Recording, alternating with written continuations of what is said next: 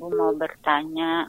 Ya Ibu kan silakan. lagi haji, lagi haji di Mekah tuh, sholat di di hotel tuh pakainya tak tak nanti kak kak bati bukan kiblati. Aduh makanya sholat tardol kak bati bukan kiblati. Itu gimana sholat ibu diterima? Enggak.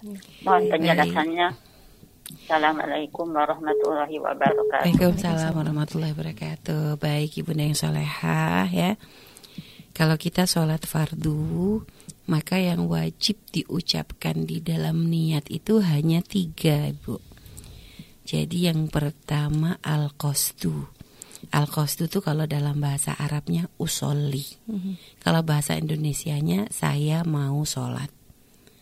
Jadi kerentek kita untuk kita akan melakukan sholat.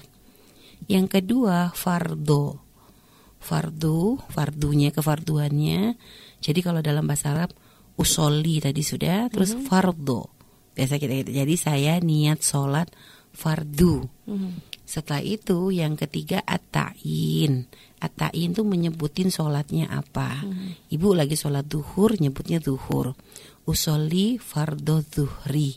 Kita tuh kan suka ngafalinnya kan dari dulu dari kita kecil begitu. Saya niat fardu sholat. Saya niat sholat duhur. Eh saya niat sholat fardu. Ya, saya niat sholat fardu duhur. Jadi gitu. Atau kalau bahasa Indonesia saya niat sholat duhur fardu karena Allah Taala. Karena Allah Taalanya pun nggak disebutin nggak ada masalah. Jadi yang wajib itu hanya tiga. Usolli fardo az-zuhri. Usolli fardol asri. Usolli fardol maghribi. Usolli fardol isya'i. Usolli fardol subhi. Tiga ini yang wajib. Dan kalau nanti ibu mau bermakmum, tambahkan makmum supaya ibu dapat pahala jamaah. Karena kalau ibu bermakmum gak niat makmum nanti sholatnya gak sah, kayak orang main-main. Nah itu saja, tinggal makmuman gitu aja. Jadi gampang banget kalau ibu masalah salah menyebut kiblat dengan Ka'bah nggak ada masalah ibu.